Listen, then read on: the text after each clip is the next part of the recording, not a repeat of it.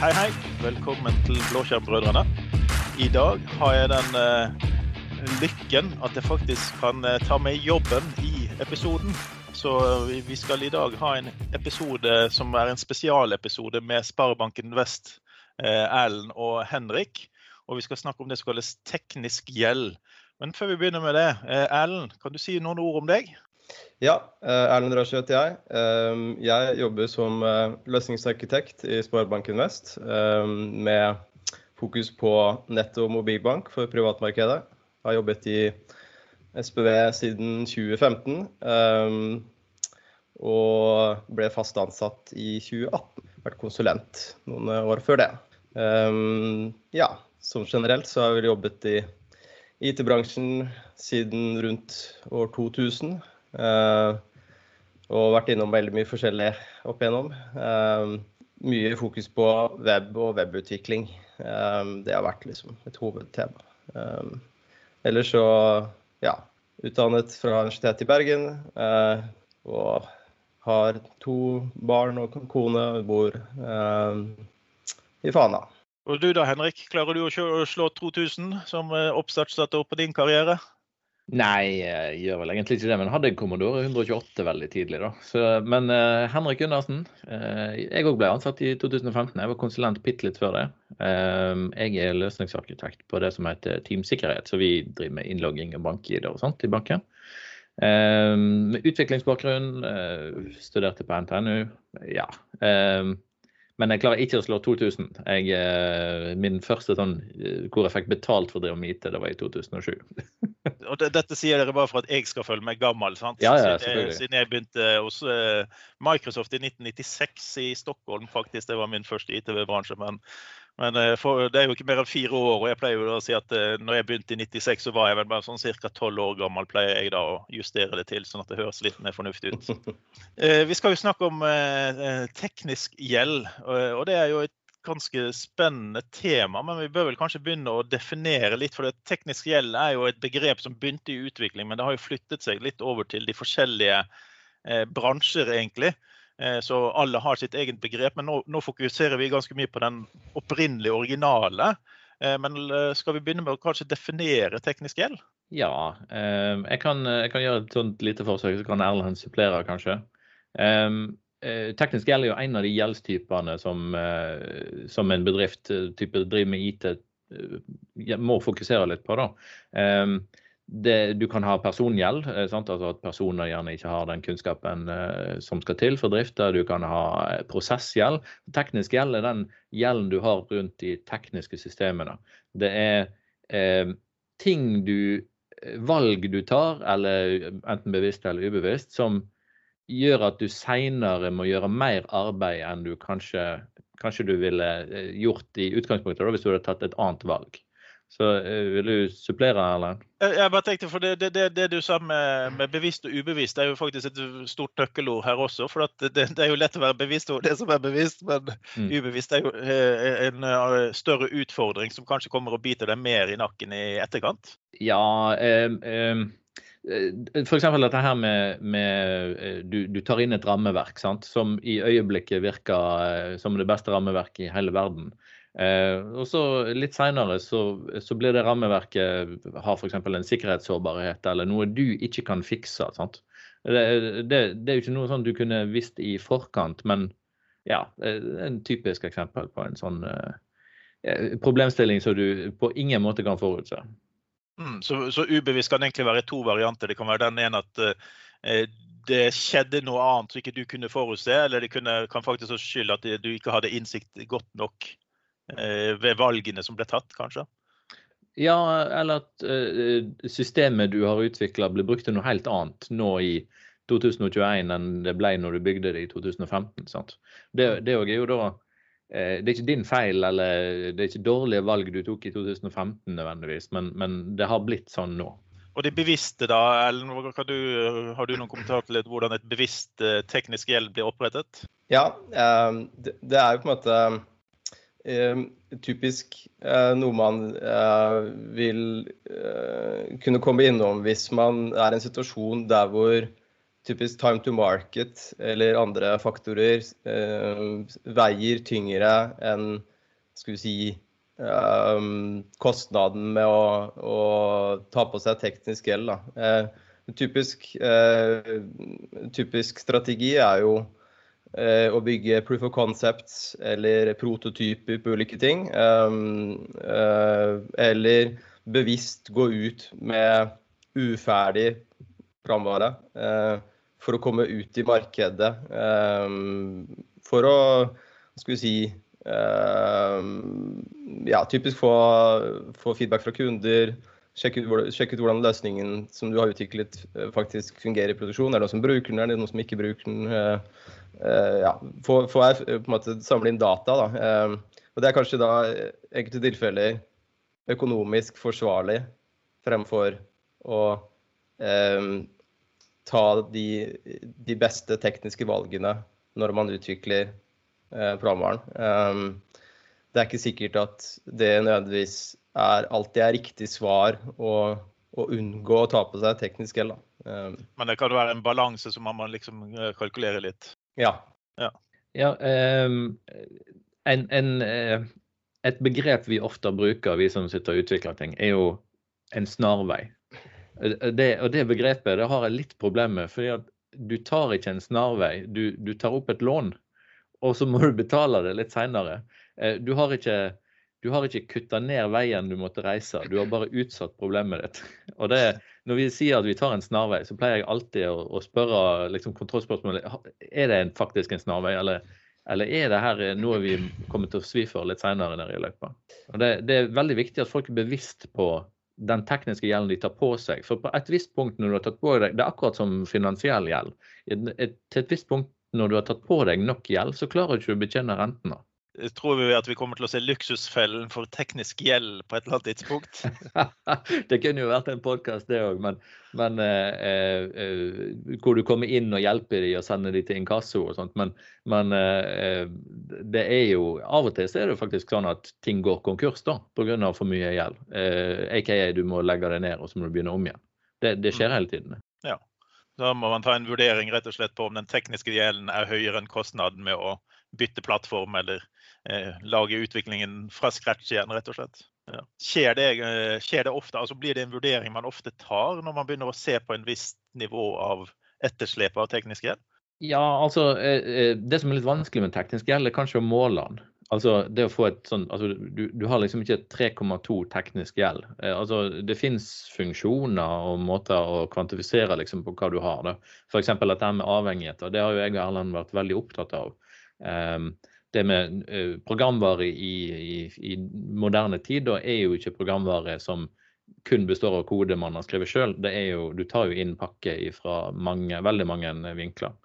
Um, og Eh, den, holder ikke du de avhengighetene oppdatert, sant, så oppstår det sikkerhetshull, eller de kommer med bugfikser eller sånne ting. Jo lenger du lar det slepet gå, jo mer sånn rente betaler du for det. For du, du kan ikke da ta inn den nye pakka uten at du fikser din kode. og, og, ja, eh, og det, der det, er vanskelig å, å kvantifisere teknisk gjeld. Eh, og når du kommer til et visst punkt, da, så er den tekniske gjelden din så stor at du tør ikke å røre koden. Og da er egentlig produktet eh, dødt. Et kjent firma som har det problemet, er Microsoft med Windows. Og Win32-API er under. Altså, det, er ikke, det API-et er ikke endra siden Windows endte, sånn egentlig. De har gjort bugfixer og sånt. men de, klarer, de har veldig mye legacy, og det er jo styrken sånn sett til Microsoft òg, eh, ulikt til Apple. at de det det operativsystemet ja, så må, ja, så må ja. de ivareta noe, for det, det, det, bryter så mye. Altså de, de var så seine med å ta hensyn til gjelden sin at, at, hvis de skal begynne å ta hensyn nå, så blir det veldig dyrt. Mm -hmm. Så De har vel gjort et par forsøk som ikke har lykkes så godt med å lage Windows R, altså RE og, RT og, og, sånne forskjellige versjoner som hopper over de bibliotekene som bare kan bruke Store-applikasjoner f.eks. Ja. Eh, men eh, folk vil ikke ha det, for de forventer at tingene virker. Sant? Ja, det, kommer, det er jo en pressekonferanse senere i dag. Da. Så nå, hvis folk ser på dette her i framtida, så er det kanskje allerede avslørt. Men, men eh, det kommer en ny en sånn X-versjon av Windows nå.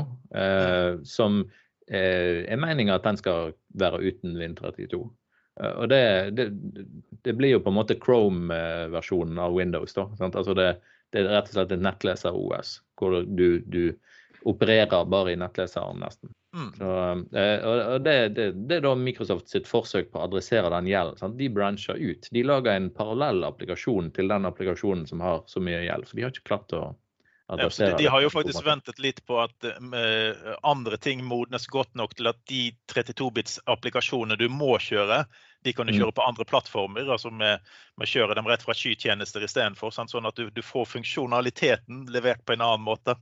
Så Hvis vi da tenker fra NT4 frem til i dag for å fikse teknisk, eh, teknisk gjeld, så sier du jo det at det, det, har vært et ganske bra etterslep? Ja, det, det, er langt eh, Det er lenger enn Vegvesenet sitt sånn her vedlikeholdsetterslep på veiene i Norge, for å si det sånn. Ja, ja. Men uh, historikken har jo mye å si på dette. her for hvis, hvis, vi tenker tilbake, da, siden vi kom inn på NT4, så, så ser vi jo det at, at, det har vært ganske mye Eh, som har skjedd med hva koster det? Altså, hvordan skal du bygge opp gjelden din eh, for 15 år siden kontra i dag f.eks.? Altså, går vi tilbake til NT4, så er det jo enda lenger. Men uh, har dere noen sånne grove tanker om hvordan historikken har vært i, i, gjeldsbildet? Jeg kan kanskje si litt om det, basert på min egen erfaring i hvert fall. Nå strekker det problemet seg tilbake til hva skal vi si, IT-industrien sin, sin, skal vi si, historie eh, totalt sett. Da. Eh, det er litt vanskelig for meg å si så mye om hva som har skjedd eh, i årtiene før, før jeg ble en del av det, men, men, i hvert fall i løpet av mine år så er det ganske så tydelig at i hvert fall innenfor softwareutvikling at kompleksiteten og omfanget av programvaren som blir utviklet, har økt år for år for år. Etter hvert som si, digitaliseringen av samfunnet har bredd om seg, så har behovet for uh, eh, IT-løsninger og planvare økt. Uh, men uh, og for å imøtekomme si, nye og mer omfattende krav, så har jo det blitt skrevet mer planvare som da har si, mer komplekse krav. Som igjen da betyr at for å kunne være produktiv, så har man i større grad blitt avhengig av å bygge software på basis av andres software.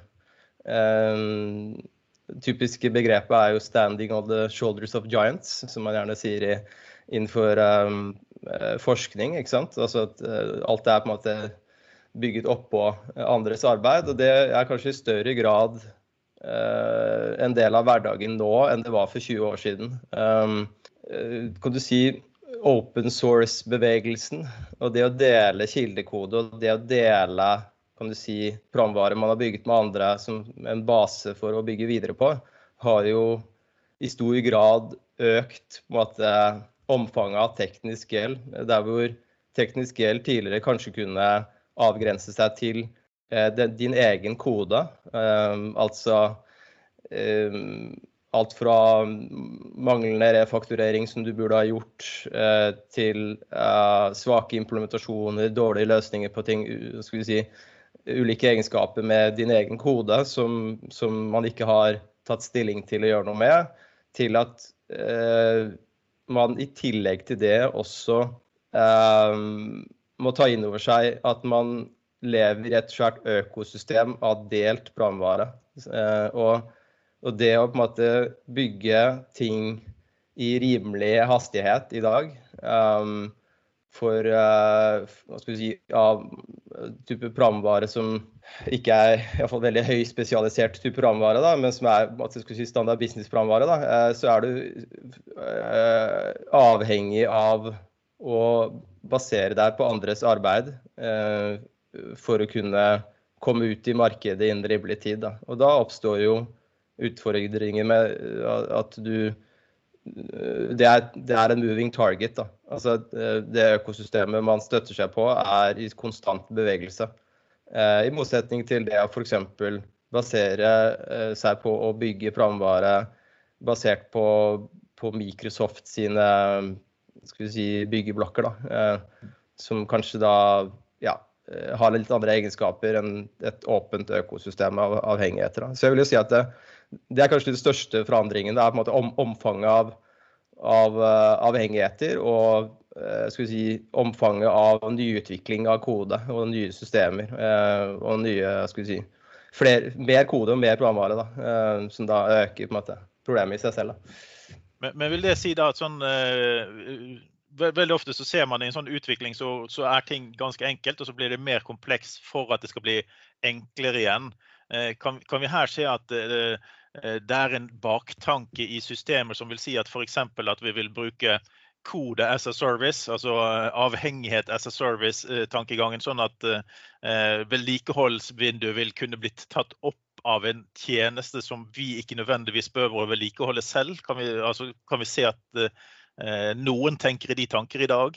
Det, det, det, krystalliserer seg jo litt den veien. For, eh, eh, du, du, kan tenke på det sånn, hvis, hvis du var eh, den eneste på IT, eh, og du vedlikeholdt et bitte lite softwareprodukt, eh, sånn, så, så er på en måte arbeidsmengden eh, akseptabel. Du, du, du, det kan du ta unna. Eller hvis du var en, en Obs-fyr som skal vedlikeholde én Windows-server, så på en måte er det håndterbart. Idet det øker, sant? den ene mannen må ta 10 servere, eller 40 servere, eller 100 servere, eh, så må du begynne å skripte ting. Eh, og så på et visst punkt der så så har du skripta eh, så mye at du tør ikke endre nødvendigvis på hele det skriptet. For da den, den ene serveren er litt special case, eller halvparten av serveren er litt special case.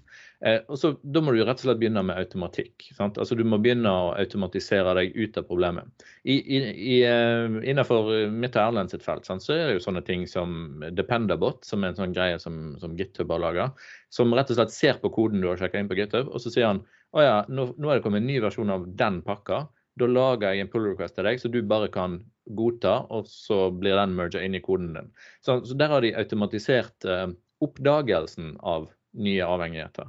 Og, og, det er ikke bare, det er ikke liksom bare .net eller Node eller eh, Golang eller et eller annet sånt språk. Det, det heter òg PowerShell og Terraform og Ansible og Kubernetes og ja, altså Automatisering rundt avhengighetsrammeverket, det, det blir på en måte en sånn ting du er nødt til å gjøre når du blir stor nok. Når du får mange nok softwareprodukter eller mange nok servere, eller sånn, så, så når det et vippepunkt der hvor du ikke lenger manuelt kan holde det. Du må begynne å automatisere det. En, en liten butikk kan fint klare det. En stordrift eh, bank eller en stordrift konsulenthus eller stordrift et eller annet sånn type Evry eller eh, sånn stor leverandør. De må på et eller annet tidspunkt automatiserer og skripter seg ut av det. Og, og støtter seg på verktøy. Det, det, må gjerne sitte et menneske som gjør et valg da, rundt en eh, adressere en, en, avhengighet eller noe sånt. Men det, det må nok eh, ja, det, må nok automatiseres for å kunne håndtere det. For automatisering det vil jeg tro er nøkkelordet. for Hvis vi tenker for mye skripting, så vil du faktisk bare lage rente på gjelden din. altså for at Skriptene dine må jo også eh, på et eller annet tidspunkt gi teknisk gjeld. Så, så, ja. så, automatikken er jo ganske viktig. og det, det, å få verktøy som kan hjelpe deg for å holde den gjelden, eh, eller for å holde vedlikeholdet, det er jo ganske nøkkelordet. Der, der, nevnte du noe litt interessant, for vi snakket jo om teknisk gjeld i sted. sant? Eh, sier du låner noe penger i banken, så er det ikke bare de pengene du må betale tilbake. Du må betale tilbake de rentene òg, alt etter hvor lenge du har holdt på det. Og betaler du ingenting, så blir jo den rentesummen ganske stor. sant? Eh, hvis du skal gjøre en oppgave, eh, og det tar deg to dager, og eh, egentlig hvis du hadde gjort noen eh, endringer på det, du, på det du skal endre på, i forkant, slik at det bare tok én dag. Altså betaler du én dag for mye, så er det renta di. Det, det, er da den tekniske renta du betaler på det. Det er ikke gjelden, for gjelden det var det du på en måte skulle ha gjort i utgangspunktet. Men, men renta di er det ekstraarbeidet du må gjøre gang etter gang etter gang fordi at du ikke har betalt gjelden din. Ehm, så, så ehm, den her, Vi jobber jo i bank alle sammen, og ehm, den her ekvivalenten med, med gjeld og rente og sånt, han, han, sitter jo litt sånn nærmt i, i brystet. Men, men det, er ganske, det, er ganske, nøyaktig. Det, det, er en, det, er en, god eh, beskrivelse av det. Men hvordan, man egentlig, hvordan skal man fram for å få litt oversikt eh, for å kunne håndtere dette her? Altså, eh, jeg vet at utviklere i de fleste tilfellene er mye flinkere enn en, en, IT-proer som meg da, med å dokumentere. For at dere har jo koden i seg selv som kan være dokumentasjon, og det kan være lettere å legge inn små kommentarer, sånn at dere dokumenterer det. Men eh, hvordan skal man tenke egentlig for å gjøre dette best mulig for, med tanke på bevisst og ubevisst teknisk gjeld? Eh, nå, nå, skal jeg eh, dra en sånn parallell her, eh, eller jeg tenker at OBS og dev det er ikke så langt unna hverandre. Vi, vi, vi, manipulerer bits og bytes for å få noe til å skje inni, inn en datamaskin, eller flytter på noen ledninger for at ting skal gå rett vei. Altså det, det, det egentlig er ekvivalent. Men jeg tenker eh, hvis det er noen som i drift som ennå ikke har begynt med kildekodekontroll, så er det et, et godt første steg. fordi at har du en versjonering på det du gjør, eh, så kan du òg koble automatikk på det. Da kan, du, da kan, du, få inn eh, Si f.eks. at du skulle eh, spinne opp noe ny, eh, nye servere da, i Asher. Så vil jo jeg ha skripta det og sjekka inn det skriptet, slik at hvis det kommer kom med oppdateringer på de pakkene du bruker. For det er jo pakker du bruker der òg. Du har jo ikke, du ikke koda de eh, binærinstruksene for at det skal gå bra i Ashore. Du, du, bruker jo et skript, et, eh, en ASET-modul eller en, en Asher RM-modul eller hva det nå skulle være. Og, og Få det, det, inn i kildekode, for da ligger det f.eks. på GitHub.com så er det allerede verktøy der for OBS og Dev for å automatisere og få oversikt få, eh, få, den grafen på en måte med avhengigheter som, eh, som ligger der. Prioriteringer, ja. Beklager. Um, det, er jo, det, er jo, Hva skal vi si det, det, Henrik nevner her, er jo på en måte uh, Skal vi si et, et sånn paradoks da, som har oppstått i forbindelse med si, DevOps-bevegelsen eh, og si, eh, cloud og, og, automation av infrastruktur og infrastruktur som kode spesielt. Da, at ved å introdusere verktøy som skal gjøre skal vi si, gjøre manuelt arbeid automatisert i forhold til infrastruktur og skyressurser og server og nettverk og hva det enn måtte være du trenger å, å opprette eller endre på, så introduserer du også en avhengighet til planvare. Eh, så det betyr at eh, gjennom å bli tvunget til å skalere eh, og automatisere IT-infrastruktur ut i sky, som tidligere ble gjort for hånd, eh, kanskje, eller delvis eh, for hånd og delvis automatisk, så, så vil, man, vil, man, falle i samme, inn i de samme eh, problemstillingene som, som, utviklere har slitt med i, i lange tider. Da. Så det, det, er på en måte så, så det, der vil, vil, på en måte vi introdusere skal du si, Eh, software, software-teknisk gjeld eh, inn, inn som en bieffekt av å forsøke å forbedre og automatisere prosesser relatert til, til OBS. Da. Eh, det er jo litt, litt ironisk, og det er jo typisk noe man som, som OBS-person bør være obs på. jeg, tenker jo at uh, um man bytter ut den personen eller kompetansegjelden med teknisk gjeld når man gjør det valget der. Altså at man, man, flytter det fra at man trenger personer som kan et eller annet, til ja, eh, til at man, man får, eh, får, rett og slett man avhengig av noe annet. Sant? Et rammeverk sånn som Terraform eller ja, at man flytter den gjelden litt. Men man, man adresserer den ikke nødvendigvis i, i den settingen. Men, men, kanskje man kan få noe automatikk. Det er vanskelig å automatisere kompetanse og personer. Det er enklere å automatisere innsjekka innsjekk av kode. Men der kommer kanskje eh, Power, Power BI og, og big data-analyse og sånne ting. Altså, eh, kode kan jo evalueres automatisk. Så kanskje man kan se at man kan få en eh, kompetansesjekk da, eh, på, som kan gi deg litt råd om eh, hva du burde gjort. Altså, vi ser jo det i, i, Visual Studio Code, så får du jo enkle ting som hvordan dette burde bli strukturert for å se bra ut, og du vil oppdage små feil. Så, så det kan jo hende at vi kan, kanskje kan se at analyse vil være et verktøy for å hjelpe oss litt på den siden over tid også, kanskje.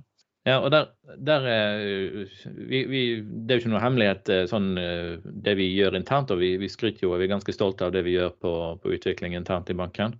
Eh, vi har jo veldig mange software-prosjekt og vi har veldig mange repo og vi har, vi har mange utviklere. Sant? og Utviklere flytter litt på seg, og det er nye team og det er gamle team. og eh, vi, vi, vi, er såpass store at vi trenger sånn automatisering. Og Vi bruker de verktøyene som finnes. Så vi har både analyseverktøy for for uh, type kodekvalitet og avhengighetsskanning og sånt. Og vi bygger noen ting sjøl som, som, vi føler vi er store nok til at, uh, at vi må uh, ha sjøl. Sånn som vi måler sant, hvor mange pakker et bibliotek bruker, og hvor mange avhengigheter. og og få varsla. Og ja, vi, vi, har en del ting sjøl. Vi, vi, som alle andre kan bli mye bedre på det. Eh, mm. Det er jo aldri ferdig, på en måte. Så for der, der, kommer det også en, sånn, en, kanskje et siste område vi kan gå, gå inn på her mot slutten. her. Det, det, er jo det som kalles uh, DevSecOps. Altså vi må jo få med sikkerhetsbildet inn i denne tekniske gjelden også. For det, det, er ikke jo, Sånn som verden er nå, så kan det jo godt hende at eh, den gjelden du har, ikke har så mye å si for ytelsen, for brukeropplevelsen, men den kan faktisk ha mye å si for sikkerheten på, eh, på applikasjonen du har lagd eller tjenesten du tilbyr. Så. Ja, eh, både NSM og NIST og ja, egentlig Gartner og alle disse analyseorganisasjonene de sier at den beste sikkerheten du kan ha rundt software, det er å holde avhengighetene dine oppdatert. Fordi at Eh, ingenting er verre enn at du har et produkt med en kjent sårbarhet, eller to kjente sårbarheter. For de flinkeste angriperne de chainer bare avhengighetene og sårbarhetene sammen.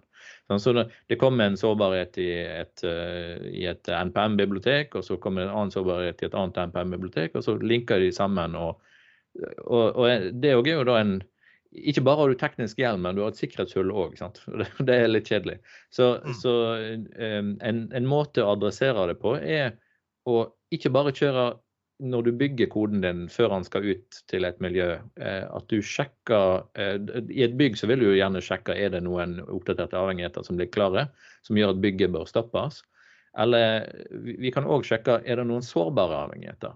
Så, og Det der går jo inn i den eh, pipeline. Sånn at vi gjør kontinuerlig auditing av koden vi bygger og sjekker inn eh, mot kjente sårbarheter og sikkerhetshull og, og mønster eh, som er usikre. Mm. Så det, det, der er nesten en egen, eh, et eget tema. For det, man kan ikke være en ansvarlig softwareleverandør i 2021, uansett om man er i en bransje eller om man er et softwarehus eller en leverandør, uten å tenke på sikkerheten i avhengighetene sine. Mm, riktig. Da er det jo heldigvis slik at man får mye drahjelp av, av, verktøy som ligger der ute. For det, å holde kontroll på sårbarheter i avhengighetene sine, um, være det seg docker base images eller uh, Nuget-pakker eller uh, hva nå enn du er avhengig av, uh, det er nesten umulig uten en eller annen form for automatisering eller analyse. For det er, det er utrolig mange forskjellige avhengigheter. Um, og det oppdages uh, kritiske sårbarheter hver eneste dag uh, i veldig mange ulike biblioteker som er i bruk verden over av utviklere. Så da er det jo uh, verktøy som f.eks. Snyk, som et, som er en skyplattform som kan, som kan ikke bare skal vi si, hjelpe deg med å oppdage at du har sårbare avhengigheter, men til dels også hjelpe deg å, å fikse sårbarhetene hvis ikke leverandørene selv har fikset de. De tilbyr også såkalte code fixes, da, som du kan påføre din kode for å gjøre workarounds rundt sårbarhetene som kanskje ikke er adressert enda i avhengigheten som sårbarheten ligger i, f.eks.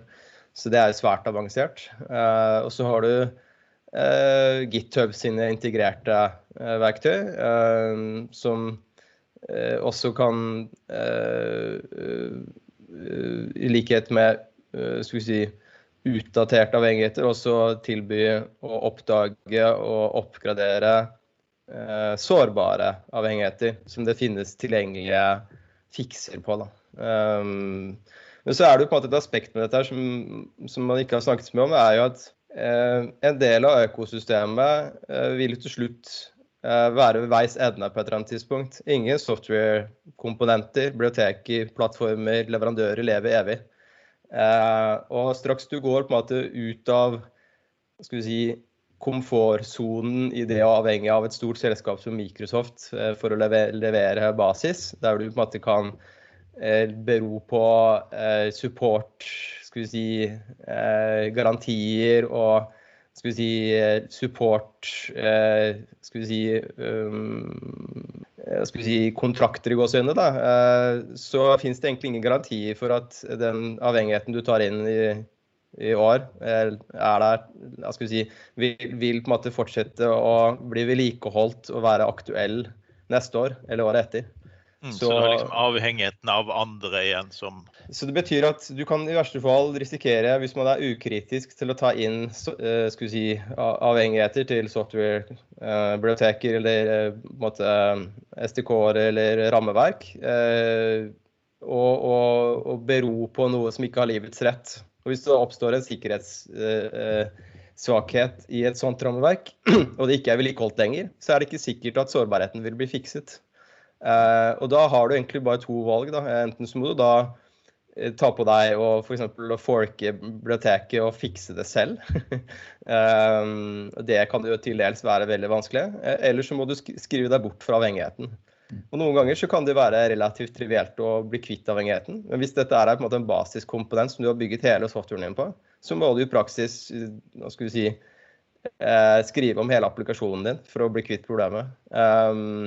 Og Det er jo på en måte et sånn forvaltningsproblem. Da, for Hvis man, hvis man, på en måte ikke har noe konsept om, om fornying av utdatert teknologi og, og på en måte sånn basisfunksjonalitet som man avhenger av i form av biblioteker eller rammeverk osv. Eh, selv fra Microsoft, eh, så, så, vil man til slutt havne i en situasjon der man man eh, hva skal si, blir, blir tvunget til å enten å, å legge, si, legge, ned utviklingen av planvaren, eller, eller, skrive om hele planvaren fullstendig.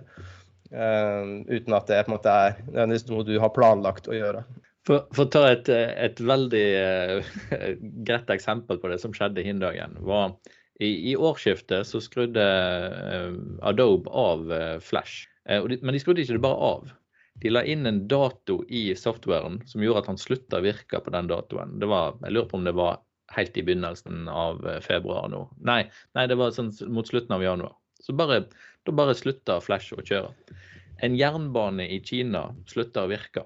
Fordi at hele operativsystemet til å drive både stasjon og tog og alt kjørte på Flash. Eh, sånn, så de, de, har bare utsatt å betale den gjelden sin. Alle har visst at Flash var gått ut på dato. Eh, og, og, driften av eh, hele plattformen deres var egentlig på det, en sånn burning plattform. Altså det, det, det, var slutt, men de valgte ikke å gjøre noe med det. Og, så de skulle og, helt klart hatt besøk av luksusfellen? Eh, ja. sant? Og så bare plutselig så slutter jernbanen å virke, og folk blir berørt. sant? Altså Folk kommer seg ikke på jobb, folk får ikke ta toget. Altså, det, i, Nå driver vi med bank og sånn, men, men, men, eh, hvis Vy hadde gjort noe sånt, så plutselig kan du ikke ta tog, eller SAS, du kan ikke ta et fly, eller, eller helsevesenet, Helse Bergen. Altså, det, det, dette er, det, det, kan stå om liv sant? Hvis, man ikke, hvis man ikke er våken. Så, så det, kan det være ganske alvorlig å ikke adressere den gjelden.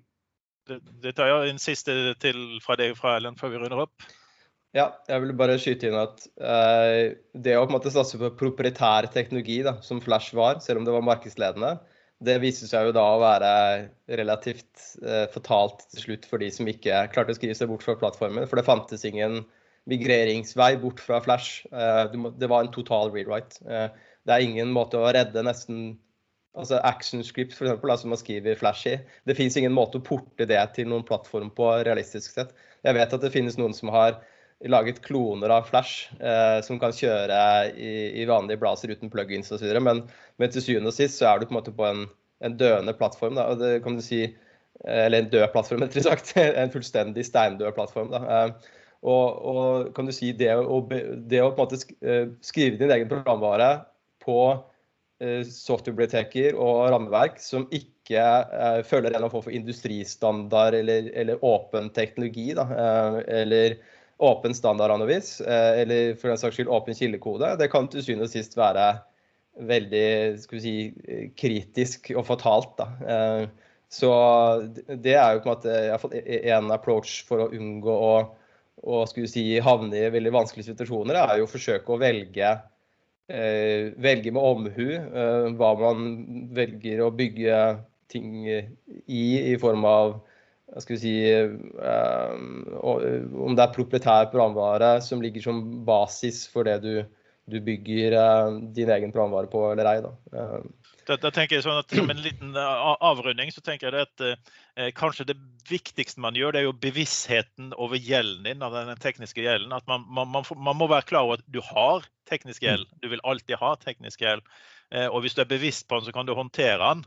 Eh, og for å håndtere den, så er jo eh, et par gode råd. Det er jo det at, eh, som du nevnte, Henrik, med versjonskontroll for, alle. Altså de skriptene man lager, legger dem ut på GitHub og får versjonskontroll på dem for, for folk. Og så er det automatisering som er nøkkelen. Altså det vi kan skripte og få gjort er, er bra. Og automatisering hjelper oss langt på vei. Og vi må prøve å få mye, mye mer intelligens, altså kunstig intelligens inn som kan hjelpe oss over tid. Men bevisstheten er jo da nøkkelordet her. altså Bare det eksempelet ditt med jernbanen. Ja, ja og, og, jeg tenker jo at eh, hvis folk tar noe vekk fra dette her, at de, eh, de må først bli bevisst, og så må de finne ut hva de ikke vet. Og skaffe seg kanskje en oversikt, og gjerne undersøke verktøy som gir de oversikt. Og så tror jeg kanskje noen kommer til å bli skremt hvis du tar opp en helt uh, Hello World uh, Node uh, NPM webapp i dag. Sant? Så er det tusenvis av avhengigheter der som du, du vet egentlig bare om én, men den drar inn to, som drar inn fire, som drar inn 16. Altså, eh, folk kommer til å bli livredde hvis de hadde sett de, de avhengighetsgrafene. For, for, det er da, selv om det ikke er direkte avhengigheter du tar med deg, så er det da implisitte avhengigheter som, som følger eh, indirekte under. Så eh, bevisstgjøring, det er bli klar over hva du har, og du kan ikke adressere noe du ikke vet hva er ennå. Så du må først bli bevisst. Men Det var kjempebra. Jeg vil takke Ellen og, Henrik for at dere tok tid til å snakke med oss eh, i dag. Jeg håper det har vært eh, lærerikt for alle. Så, så tusen takk for nå.